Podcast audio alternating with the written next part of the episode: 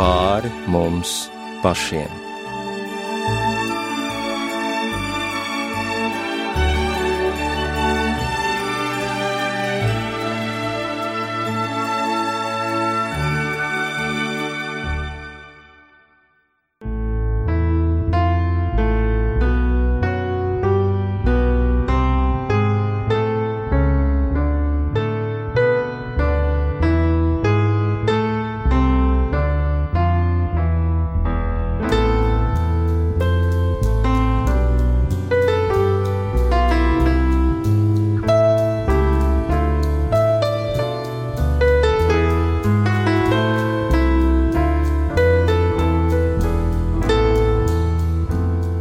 Esiet sveicināti raidījumā pāri mums pašiem, lai ir slavēts Jēzus Kristus.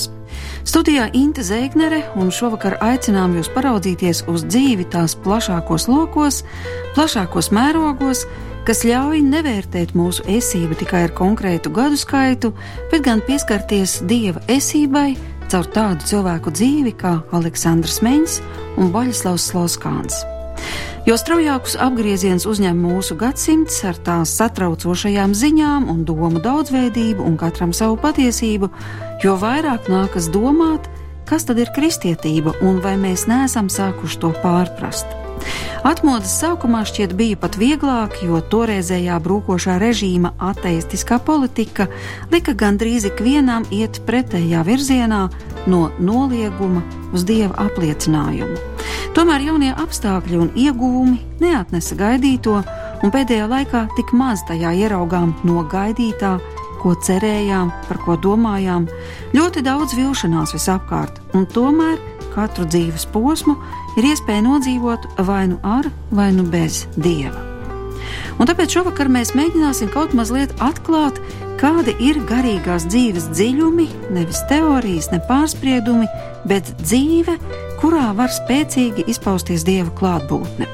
Viens no šādiem dieva klātbūtnes nesējiem ļoti sarežģītos apstākļos bija pareizticīgo priesteris, moceklis Aleksandrs Meņš, kurš tika nogalināts ticības dēļ 1990. gada 8. septembrī, tad, kad jau atmoda bija tuvu pie durvīm. Taču tieši tad viņa balss, vēstot par Kristu, bija kļuvusi pārlieku dzirdama, bīstama un vēl vairāk traucējoša ateistiskā dzelzs režīma kalpiem, kas baidījās un arī tagad baidās no patiesības. Tomēr patiesību apklusināt nevar.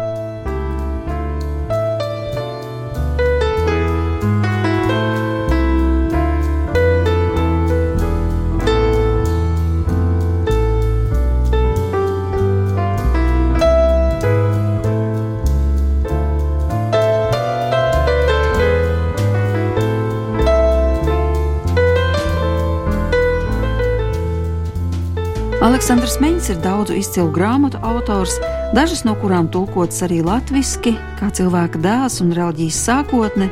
Savā tekstā Credo viņam ir izdevies parādīt ļoti daudz no tās kristietības un baznīcas, kādu to patiešām vēlas Kristus. Sākoties lūkšanu nedēļai par kristiešu vienotību, šogad, 18. janvārī, Svētās ģimenes mājā Rīgā, Klosterielā, esošajā sakrālo lietu muzejā, tika atklāta tēvam Aleksandram Meņam veltīta izstāde, kur joprojām var skatīt gan video filmu par viņu dzīvi, arī ar garīdznieku saistītas lietas, tā skaitā, protams, viņa sarakstītās grāmatas. Bet mēs šovakar tiksimies ar publicistu Arni Šablovski un priestera Aleksandra Meņa kristietības izpratnes turpinātāju, viņa garīgo bērnu, Aleksandra Meņa fonda vadītāju Natāliju Bojušakovu, kura vēlējās šo raidījumu iesākt ar vienu no tēva Meņa lūgšanām.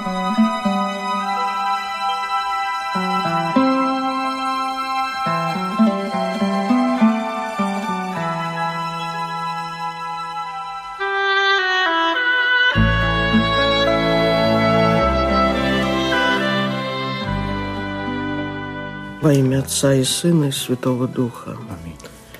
Dieva tēva un dēla un gara vārdā. Вечерний час в этом городе где почило Твое благословение. Kungs Kristu šajā vakara stundā, šajā pilsētā, ko apmeklējusi tava godība, cauri visām ciešanām, grēkiem un bēdām, tu, kas cieti un pieņēmi visus cilvēciskos ievainojumus, jo mūs iemīlēji, tu, šurp atnākušais, esi ar mums. Господи, Ты нес крест, научи нас нести ради близких страдания и труд – Kungs, tu nesi krustu, iemāci mūsu savu tuvāko dēļ strādāt un paciest grūtības.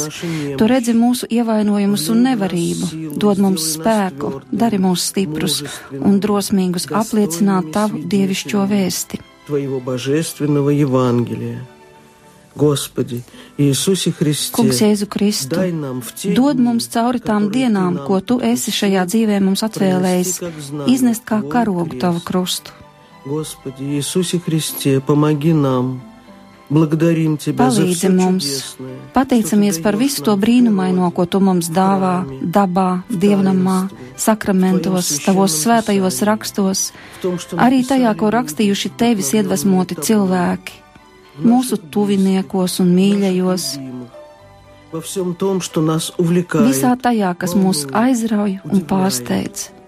За все Par visu благодарим pateicamies Тебя, Tev, Kungs! ļauj mums būt Tava vārda patiesiem nesējiem. Amīn.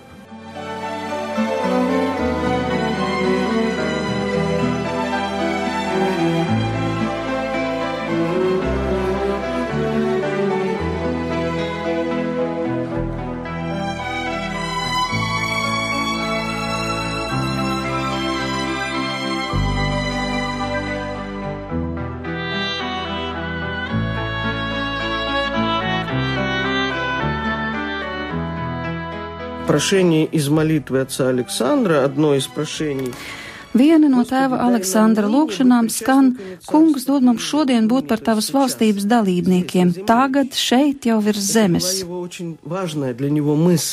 его очень важная для него мысль, и он ее все время старался нам донести. Tā bija ļoti svarīga viņa doma, kuru viņš centās arī mums atklāt. Viņš sacīja, ja mēs šajā dzīvē, un toreiz tas bija padomju laiks, Если мы здесь ja не mēs šajā обретем dzīvē вечность, nesastapsim не встретим Dievu, Бога, то ничего не изменится там. tad nekas nemainīsies arī Мы tur. здесь внутри себя открываем Бога. Mēs и šeit sevi встречаемся с atklājam Христом. Dievu un sastopamies ar Здесь. Kristu И šeit. мы так как? Здесь, Un mēs когда domājām, kā tas послушные iespējams гонения, šeit, kur notiek vajāšanas, Это ticības ничего не nolīgšana, меняет. bet viņš teica, tas neko Жизнь nemaina. Dzīvot ar Можно Kristu var каждый katru день, dienu, вот здесь, сегодня, šeit и un начинать šodien, надо un с vajag этой sākt ar šo минуты. pašu Вот где мы minūti. стоим, Вот с этой минуты. Не ждать, когда рухнет советская власть. Мы не знаем, Nav jāgaida, kad sabruks padomju savienība, mēs nezinām, kad tas būs, bet no mūsu dzīves dievā, no tā, vai mēs iemantosim valstību jau šeit, atkarīgs pilnīgi viss - politika un sabiedriskā dzīve, bet arī tas ir otršķirīgi. No mums ir ļoti daudz, kas atkarīgs, viņš sacīja, no tā, vai mēs iemantosim debesu valstību. он этим жил. Ar šo domu viņš dzīvoja. Кому-то это дано, кажется, очень... Neskam dēļ vieniem tas ir dots saprast, bet citiem nē. Nu, kā mēs iemantosim šo valstību? Bet varbūt ir kāda recepte tomēr. Viņš taču saprata, kā tas ir Не iespējams. знаю, если там рецепт, но, но он это понимал, как это сделать. Вот кто-то к нему может как Kāds varbūt pie viņa nāca, kā tas bagātais jauneklis pie Jēzus un teica, kas man vēl jādara, lai iemantotu mūžīgo dzīvi. Обрести вечность. Ну да. Раздаимение, да? Nu jā, izdali mantu nabagiem. Нет ничего, и все равно... Bet царство daudziem jau тоже mantas nav un Но он debesu всегда valstības arī говорил- nav. Конечно, тогда о материальных благах особенно речи не было, но он говорил, что богатство... Protams, toreiz par materiāliem labumiem īpaši nebija runas, bet tēvs Aleksandrs sacīja, ka bagātība ir jebkas, kas mūs attālina no Dieva. Tā var būt mīlestība pret bērnu, kas mums ir kļuvis par elku, tā var būt zinātne. Ne jau zinātne ir vainīga, bet mūsu attieksme pret to. Наша, ну, карьера. Tā var būt В этом mūsu нет karjera. ничего Arī плохого, karjera nav делать nekas свое slikts, дело, sekot savam там, aicinājumam, воплощать свое bet lai призвание, šīs но lietas чтобы par tevi это nevalda, не владело lai tavas тобой, dzīves чтобы kungs ir Kristus. Господином твоей жизни был Христос. Мы должны черпать вот силы для того, чтобы свидетельствовать своей жизнью. Слова Mums уже ir никого viņā не могут jāsmeņ убедить. spēki, lai liecinātu ar savu dzīvi. Vārdi vairs nevienu nepārliecina, pasauli netic vārdiem vairs, bet tikai liecībai. Ja mēs dzīvosim tā, lai liecinātu par augšām celšos Kristu, чтобы наша вера не была идеологией, lai mūsu ticība nebūtu ideoloģija, идеологией или каким-то ярлычком. vai arī таким, kā «А, это nozīmīta pie христианин». uzvalka, ā, jā, šis lūk ir kristietis, šis budists un tā tālāk. Но воскресшего Христа Bet только мы augšām можем celšos Kristu tikai mēs spējam atnest ar savu dzīvi, ja mēs spējam. Ну вот если можем. Но, но мне кажется, что если действительно мы бы понимали каждый, Ja mēs tiešām saprastu, ka ar savu dzīvi kristietim ir jāliecina, ka Kristus ir augšām cēlies un ka tieši to no mums gaida pasaule, если бы люди спрашивали, tad cilvēks sāktu vaicāt, kas ir ar tevi, tu tāds neparasts. «Странный, а почему ты такой? Varbūt А es что?» arī gribu iepazīt šo И, noslēpumu.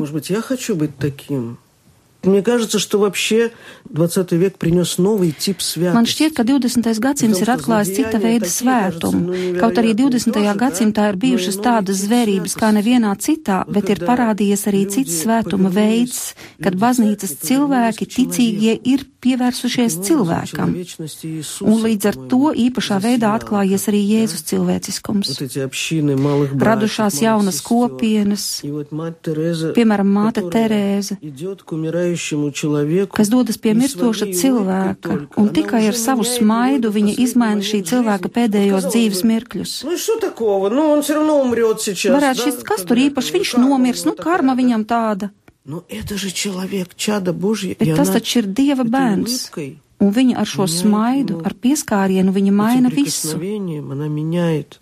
Но для того, чтобы ему улыбнуться, сколько ей надо в Taču, lai себе. dāvātu šo smaidu, сделать. cik daudz darba viņai sevī pirms tam bija jāveic.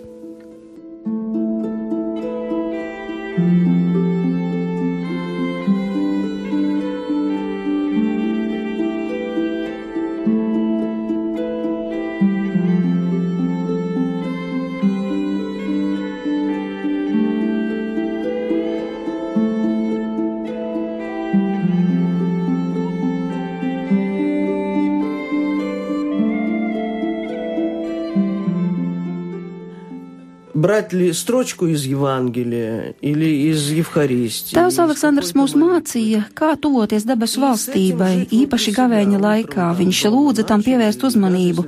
Pusstundu, protams, var vairāk, bet vismaz pusstundu pavadīt kaut vai ar vienu rindiņu no svētajiem rakstiem. И эта созерцательная жизнь, она в тебе находится, независимо от Lai того, kur кто tu вокруг būtu, тебя. trolēbusā, darbā, šie vārdi Такая tevi у него была, как мы pavada. привыкли Вот так выходить из дома, как бы в жизнь. Вот Un tad viņš mums Очень deva коротенько īsu вам такую lūgšanu. составил.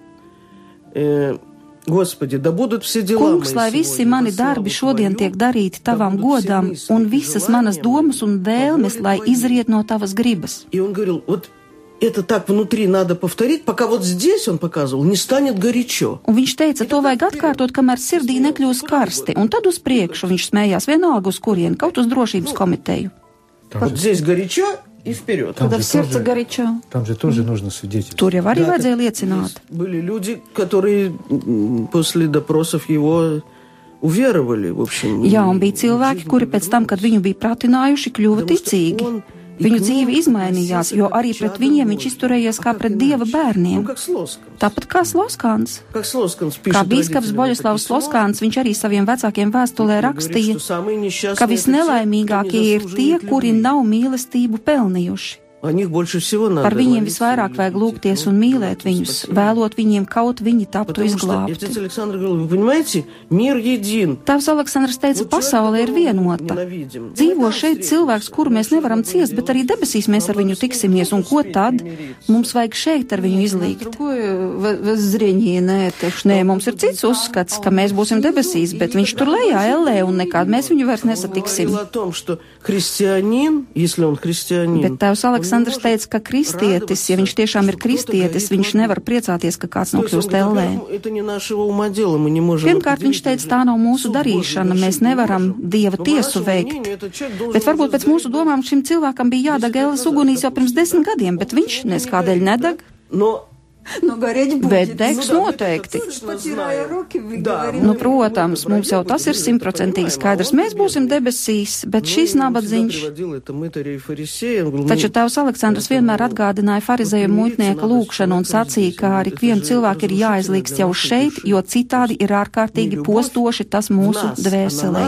Nemīlestība mūsos, tā mūs pašus arī sagrauj. Bet globāli viņam sirds par Krieviju bija sāpēja? Jā, protams, viņš taču 32 gadus nokalpoja baznīcā un visu dzīvi viņš bija lauku priesters. Kas ir lauku priesteris? Jūs kādreiz Krievijā ciematos esat bijusi? Lauku priesteris, viņam ir jāveic viss, arī dzemdības jāpieņem, ja vajag. Citiem vārdiem sakot, viņš ir kā tēvs, un arī padomu laikos tur, kur baznīcu izdevās saglābt, tur priesteris bija viss, cilvēkiem kā miesīgs tēvs. И он разделял их жизнь полностью, понимаете, их, их быт. Он жил в таких же условиях. У него родился ребенок, он жили, они с женой в такой избе, где вот эта изморозь была внутри, понимаете, снег вот. Viņš dalījās šo cilvēku dzīvēs, dzīvoja tāpat kā viņi. Tā bija neliela istaba, kur ziemā bija sienas pārklātas ar ledu, un viņš šo savu ģimenes istabu vēl pārdalīja uz pusēm ar aizskaru un savās mājās pieņēma cilvēkus. А он их любил. Tātad viņš ar И savu многих augsto из этих izglītību, бабушек viņš и mīlēja тетушек, šos он parastos очень vienkāršos нравится, там cilvēkus были un грамотные mācīja люди. lasīt, jo tur bija Jā. arī analfabēti. Таких видела.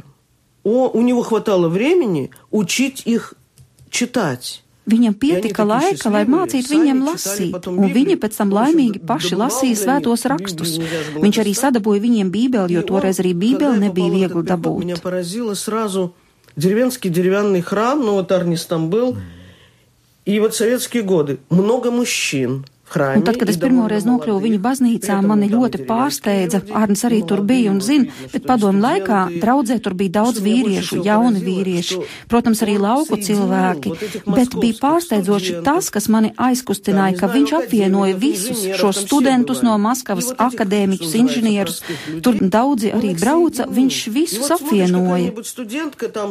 какая-нибудь студентка там Un tu skaties, kāda studente apkampjas ar lauku sieviņu, atvedusi viņai dāvaniņu no Maskavas, senas mājās viņai ūdeni.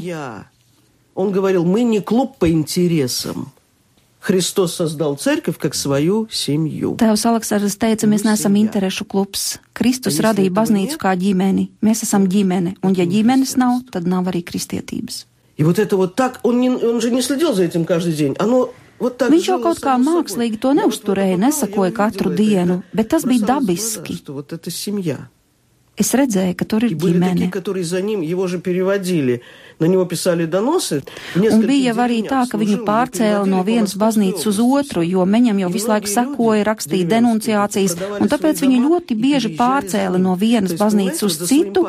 Un iedomājieties, ka daudzi no viņa draudzes pārdeva savas mājas un sekoja viņam uz to vietu, kur viņš tika pārcelts. Viņi sekoja savam priesterim. Un kad jau perestroikas laikā žurnālisti vaicāja, izstāstiet par izciliem savas draudzes locekļiem, piemēram, Aleksandrs Gāličs ar tēvu Meņu kļuva ticīgs un pieņēma kristību, Soženīcins pie viņa brauca, Naģežda Mandelštāma bija tik ļoti tuva viņam garīga meita, viņš arī izvadīja viņu. говорил, нет, у меня нет знаменитых прихожан. Мои бабушки, вот они у меня самые знаменитые. Bet viņš sacīja, nē, man nav slavenu draudzes Просто, ну, не locekļu. могу как-то можно Vecmāmuļas, отделять. tās man Это моя visslavenākās. семья, это моя Kā gan es varu община. vienu izcelt vai atdalīt, тоже ja думаю, mēs что visi это esam kā viena христианство. ģimene?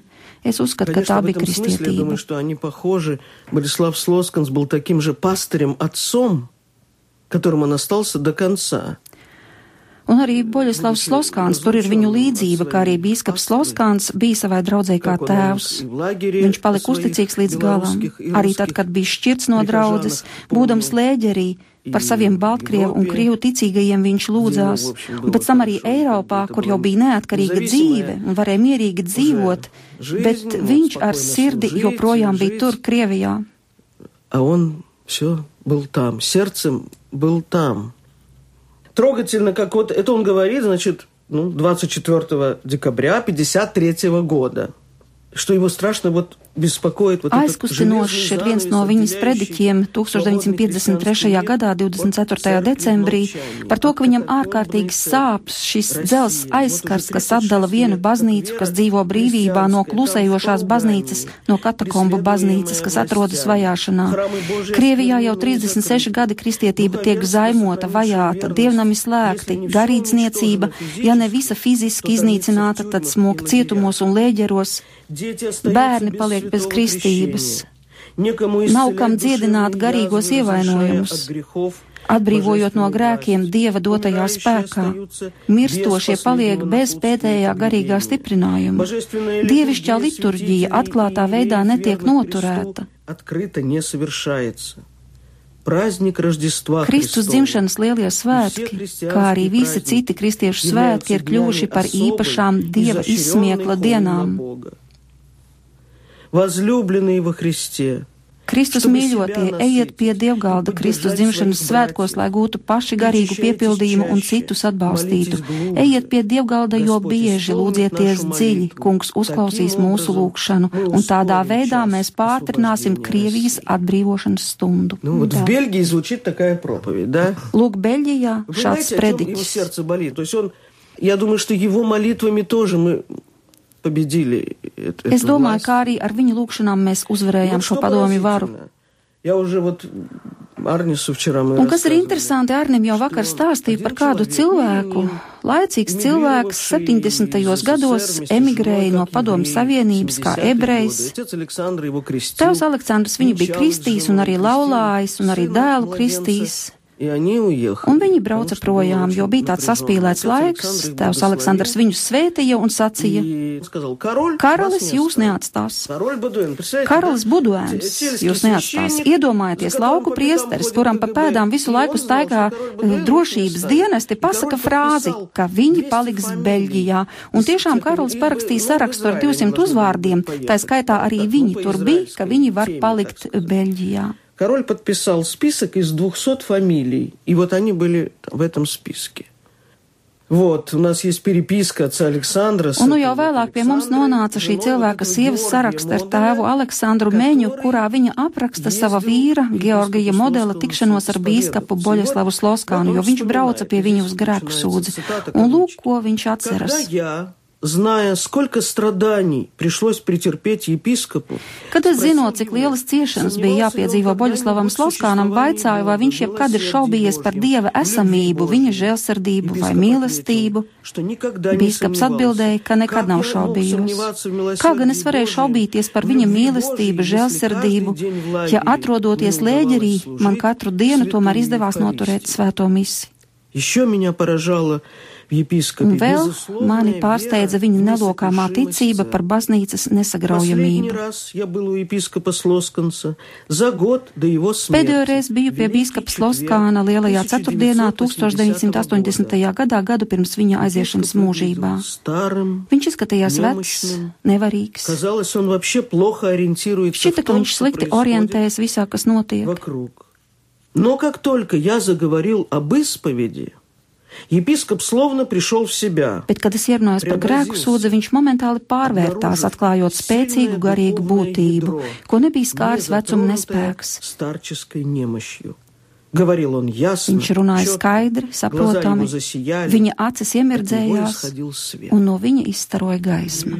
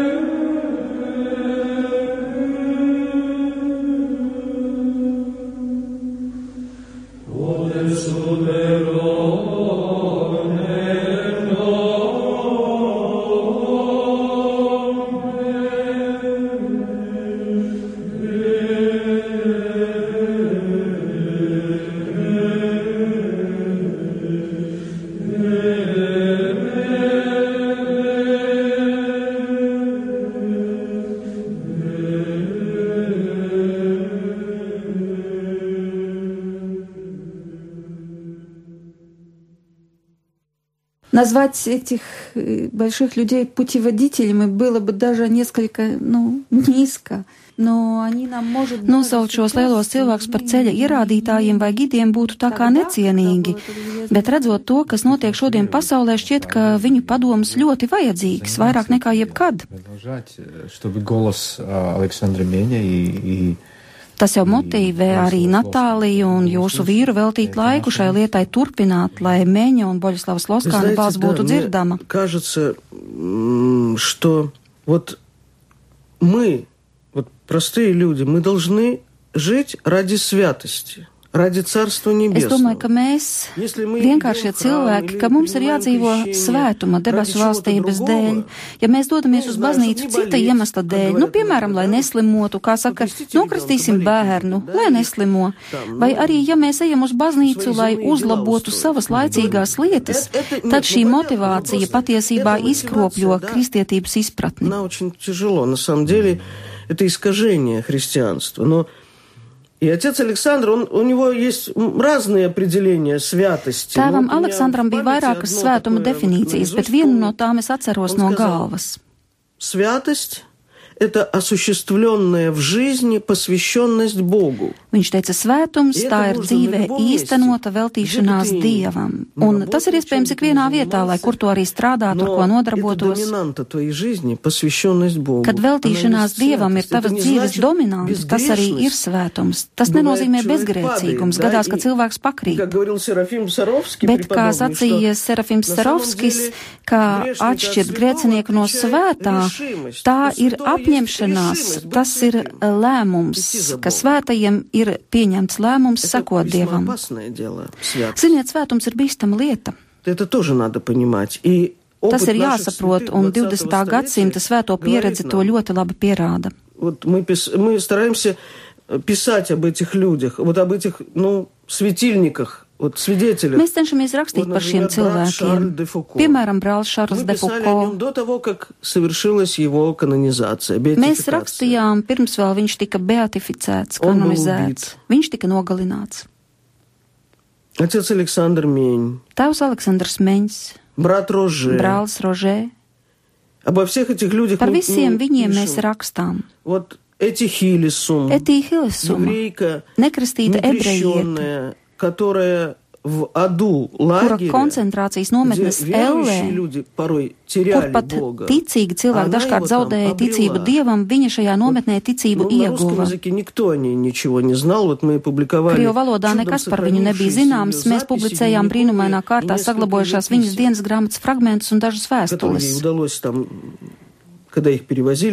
kuras лагерь, viņai izdevās выбросить, izmest pa э, logu, kad viņus в окно. pārveda no vienas nometnes Там uz был otru. адрес, и, в общем, Un šīs vēstules sasniedz это adresātu дошло. un saglabājās. И эти Хилисум говорит Богу, Etī в своем Hilesuma saka дневнике, Dievam savā dienas grāmatā. Я понимаю, что просить твоей помощи Es saprotu, ka lūgt tavu palīdzību невозможно. šajos apstākļos Я знаю neiespējami. другое. Es zinu, Я ko должна citu. тебе помочь. Man vajag tev И palīdzēt. я могу тебе помочь. Es varu tev Я буду palīdzēt. стараться это делать. Es nevaru Я не могу apsolīt, тебе bet es обещать, но я centīšos буду saglabāt стараться tevi savā dvēselē сохранить тебя в моей душе. И сохранить мою любовь к тебе. un saglabāt manu mīlestību pret tevi. Вот такая маленькая еврейская девушка, которая помогает Богу. Lūk, tāda maza ebreju meitene, kas Lūk, palīdz Dievam.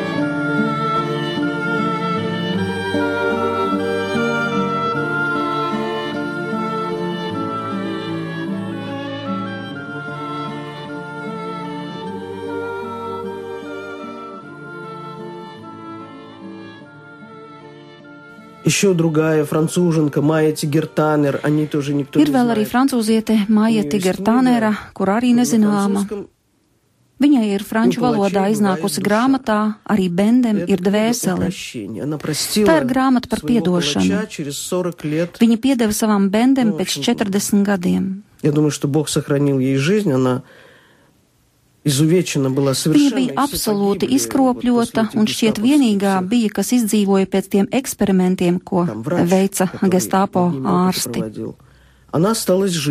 Viņa vienīgā izdzīvoja, un skaidrs arī kāpēc этот врач, Jo caur Который viņas skruv- pieredzi iespējams mācīties piedošanu, un lūk šis ārsts, kuram pēc kara izdevās noslēpt savu pagātni, viņš nomainīja uzvārdu, aprecējās, nu tātad absolūti cits cilvēks. Neviens nezina, ka viņš ir kara noziedznieks. Viņš dzīvo mierīgi, bet tad viņš saslimt, viņam konstatē vēzi, un ārsts saka, ka vēl pusgads palicis dzīvot. И вдруг ему стало страшно от своих дел. Un, nu, viņam kļūst baisi par saviem darbiem, ko darīs. Un tad viņš uzmeklēja šo sievieti.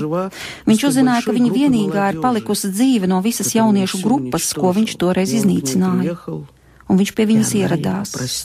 Un šī sieviete viņam piedeva. 40 gadus viņa mēģināja viņam piedot ticīga sieviete, katolieta. Viņai bija ļoti grūti.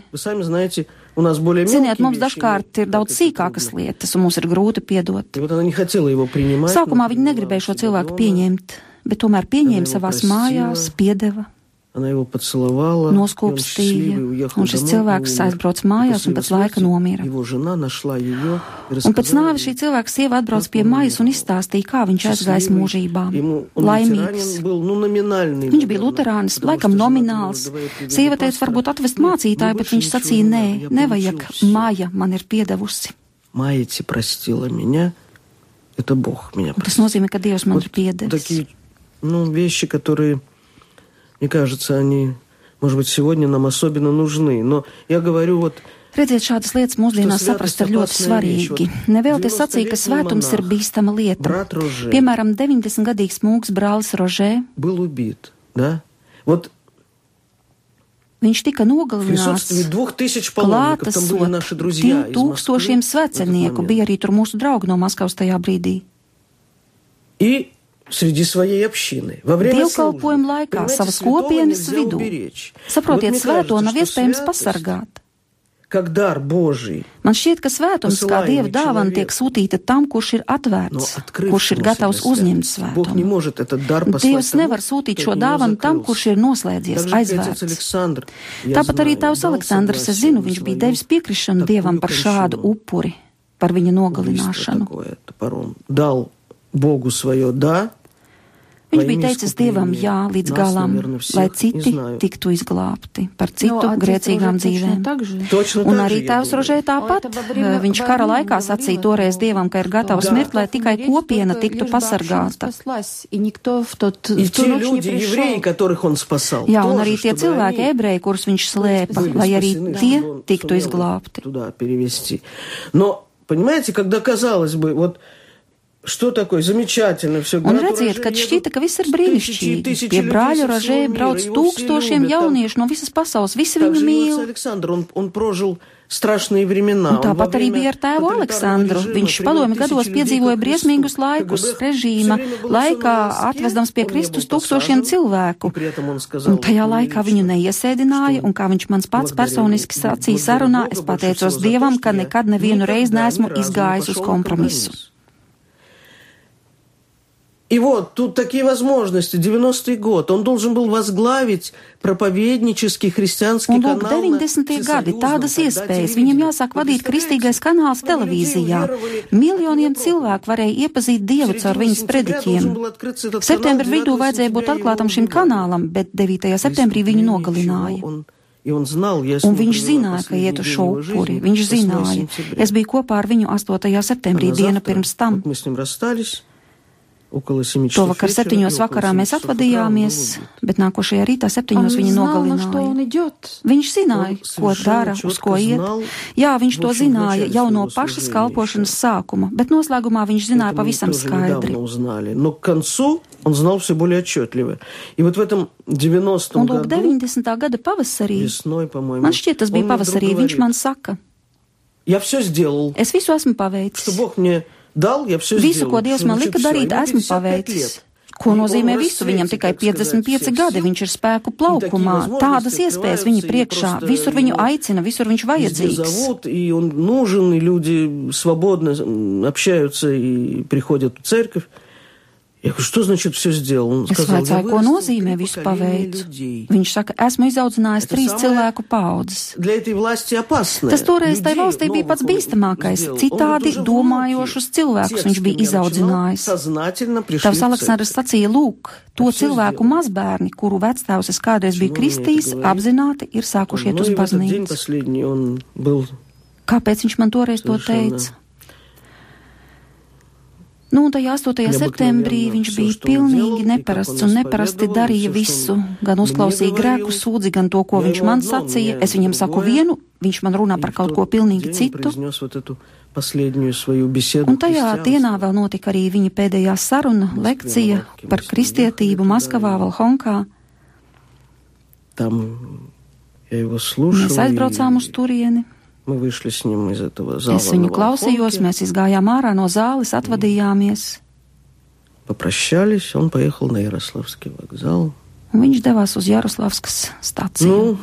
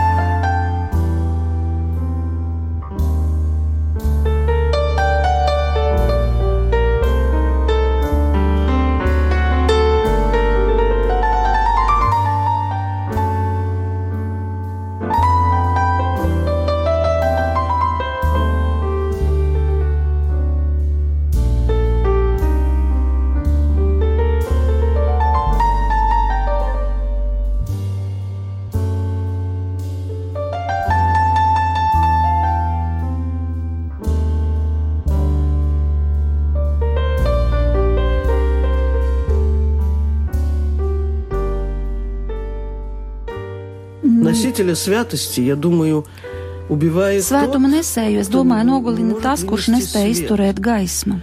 Быть рядом со светом. Būt līdzās ar очень gaismu, трудно. tas Это ir ļoti свет grūti Христов. Вот ar вы Kristus понимаете, что gaismu. Мы это видим по To mēs Евангелию. redzam arī pēc evaņģēlīja. Кого-то он Kādu поднимает, šī а Kristus кого-то он gaisma pieceļ, ослепляет, bet и kādu, человек kurš пытается dzīvo tumsā, šī уничтожить gaisma этот свет. apžilbina Просто, tik чтобы ļoti, ka его viņš не gatavs было. darīt visu, lai šo gaismu Так, iznīcinātu. вот, начиная со Христа и Tā дальше. notika ar Kristu, kuru piesita И дальше krustā, un все tālāk, apostoli, tāpat mēs ar jau visiem знаем. mācekļiem. Nu, to visu Так, mēs так. zinām.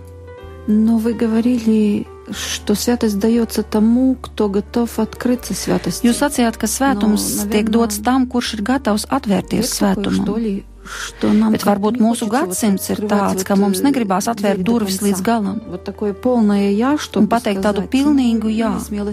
Varbūt mums drosmes pietrūkst, vai arī egoisms pārāk liels, bet kaut kā pietrūkst. Varētu tik iedot 500 gramu svētuma, ļoti labi, bet visu atdot. Nu, piedodiet, tas pārāk daudz, es arī esmu cilvēks.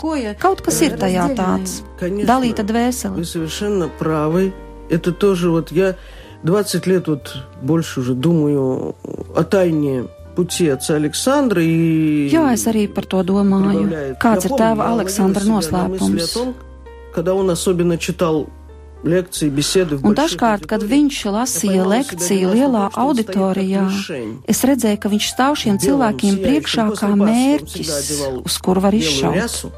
Parasti pēc lieldienām viņš baltā tērpā bija, viņš pats bija starojošs arī iekšēji. Un pēkšņi es pamanīju sevī šo domu - mērķis. Un apklusināju šo domu, jo domāju, ne nu tagad, taču viss ir labi. Nē, mērķis. Un redziet, tā arī ir, ka cilvēks kļūst tā kā par mērķi, bet viņa dzīve tā kā par upuri. Вот тот, кто хочет, Vai mēs тот to и gribam? открывается полностью Lūk, tas, для kurš святости. vēlas, tas arī Кто pilnībā согласен, atveras Dieva чтобы svētumam, его жизнь Dieva стала darbībai. жертвоприношением. Kurš ir gatavs, lai Вот viņa такая dzīve kļūst жизнь par была у upuri епископа citiem? Слосканса. Tāda bija bīskapa Sloskāna С самого dzīve. начала, когда он, я думаю, Jo pašā пошел sākumā tā bija на tāda, рукоположение священника, kad viņu и slepeni когда ему Maskavā, тайно Svētā Ludvika хератонию baznīcā епископскую совершали iesvētīja в par храме Святого bīskapu, Людовика в Москве, он понимал, viņš zināja, uz ko потому viņš что iet. Храма Jo aiz baznīcas durvīm bija 26. 1926. gads. он понимал, что это начинается Viņš крестный saprata, путь, ka sākas viņa krustaceļš, и что это начинается жертвоприношение. Он не sākas upuris par brāļiem, bet viņš neatkāpās. И вот и брат Рожения отступил, Un brālis Rožē брат neatkāpās, Шарль де Фуко, un да, и Šārls de отец Александр Минь. un Ну, а Aleksandrs что же теперь? Nu, kas tad Mēs tagad? Mums patiesībā patīk slēpties aiz lielu cilvēku mugurām. Un tas ir pareizi. Mēs piesaucam bīskapu Sloskānu un visus pārējos svētos, kas ir tā kā gaisma ceļā. Bet vai tas nav egoistiski? Nu, jo sanāk tā, jūs visi nāciet šurp un tagad mums šeit palīdziet arī Latvijas situācijā, izdariet jūs visu mūsu vietā. Es taču jūs esmu lūdzis, saucis, no jums arī gaidu. Bet vai nebūs tā, ka brīnums sāks notikt tad, kad mēs vai kāds no mums šajā 21. gadsimtā kļūs gatavs pateikt jā? Pateikt jā, es esmu ar mieru, būs vajāšanas, esmu ar Очень mieru. Некомфортабельный век, ты это сам знаешь. Šis gadsimts ir ļoti Работая здесь, и nekomfortabls, это tu очень pati zini to. некомфортабельный век. В какой-то мере и в Европе некомфортабельный. Eiropā Я был в nekomfortabls, Kalkuте, не- это arī абсолютно Kalkutā, нет. kur biju Но когда nekomfortabls. Ты имеешь этот дар жить, жить Bet, kad Богом, tev ir šī dāvana dzīvot а, ar и имеешь Dievu, этот дар получить от, от этих святых un свет. kad tev Они ir šī потому dāvana и saņemt arī no зажгли šiem свою жизнь, svētajiem gaismu, kas чтобы savas мы dzīves ir получили aizdeguši. свет. Viņi Мы jau ir должны aizdeguši šīs получать, dzīves, не lai нужно citi бояться arī этого. saņemtu Тогда, gaismu. естественно, мы должны Un будем tad tas ir следовать. dabiski, На- ka mēs на vēlamies пути. viņiem sekot. На этом мы начали. Ar to что mēs sākām, Царство надо искать сначала тут. ka jāmeklē valstība šeit. И, между прочим, в Библии тоже написано, что Царство Небесное Un усилием Bībelē arī teikts, ka, lai дается, iegūtu что valstību, ir прилагающий усилий jāpiepūlas. получает его. Да. То есть, наверное, тоже не надо обольщаться, что нам только глянуть в небо и все Nevajag varbūt domāt, ka mums tikai uz debesīm paskatīties un viss notiks. будет тот же путь, Tik un tā būs Более-менее jāiet ceļš скорбный, не скорбный, caur Которым ciešanām, проходили caur святые, piepūli, kuru Иисус, svētī ir veikuši, tie, ko которые Jēzus ir следовали. veicis, viņa Нет sekotāji. других потайных ходов. Nav Наверное, нет. citu Нет. ceļu. И Nav. Отец Александр еще говорил, вот, что зажженный здесь огонь мы унесем в вечность. Un tās Aleksandrs teica, ka Un tam šeit un tas aizdegtu darīts gaismu еще mēs больше. Но если aiznesīsim мы uz здесь его не mūžību. зажгли, Bet ja внутри mēs себя, то šeit там sevī šo тоже gaismu, будем šo тлеть. uguni mēs есть, nebūsim по- волшебной iedeguši, arī палочки tur нету. nekas nebūs. Вот Nav здесь burvju надо noiņas. Šeit встретить jāaizdedz Бога, gaisma зажечь sevī. огонь, Šeit jāsastop войти в Dievs. вечность. Šeit. То есть, да, призыв, вот, да приедет царствие твое. То есть сюда придет, вот Lai сюда. nāk valstība šeit, lai viņa nāk šeit, kur mēs sēžam, kur mēs dzīvojam.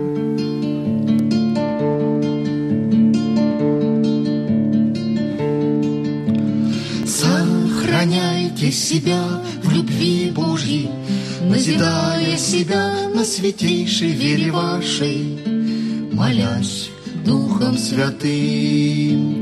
Сохраняйте себя в любви Божьей, ожидая от Господа милость к жизни вечной, молясь Духом Святым.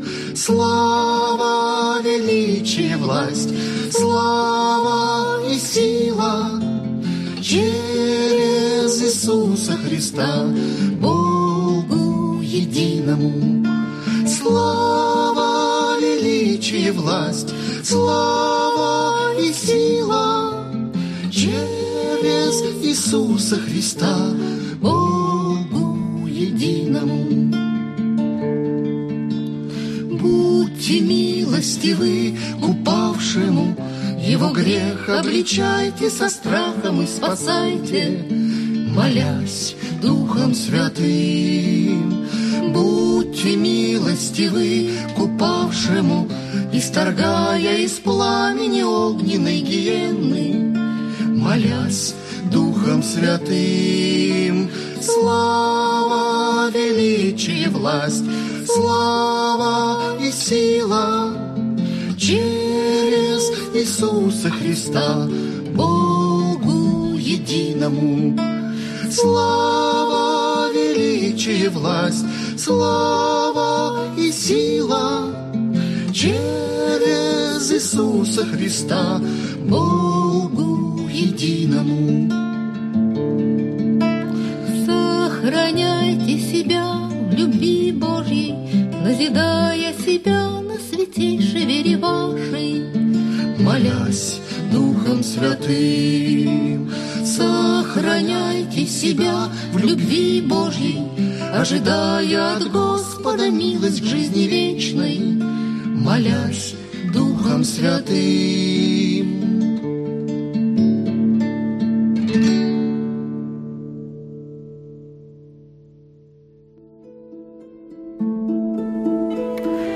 Par dalīšanos pieredzē un kopā būšanu šajā vakarā šobrīd saku paldies Aleksandra Meņa fonda vadītājai Natālijai Boļšakovai un publicistam un žurnālistam Arnim Šablovskim. Un vēlos pateikt, ka arī dziesma, kura tikko skanēja, ir tēva Aleksandra Meņa sekotāju komponista Jurija Pasternaka un mākslas vēsturnieces Irīnas Jazikovas ieskaņota. Paldies par kopā būšanu šajā vakarā, jums saka Inta Zēgnere.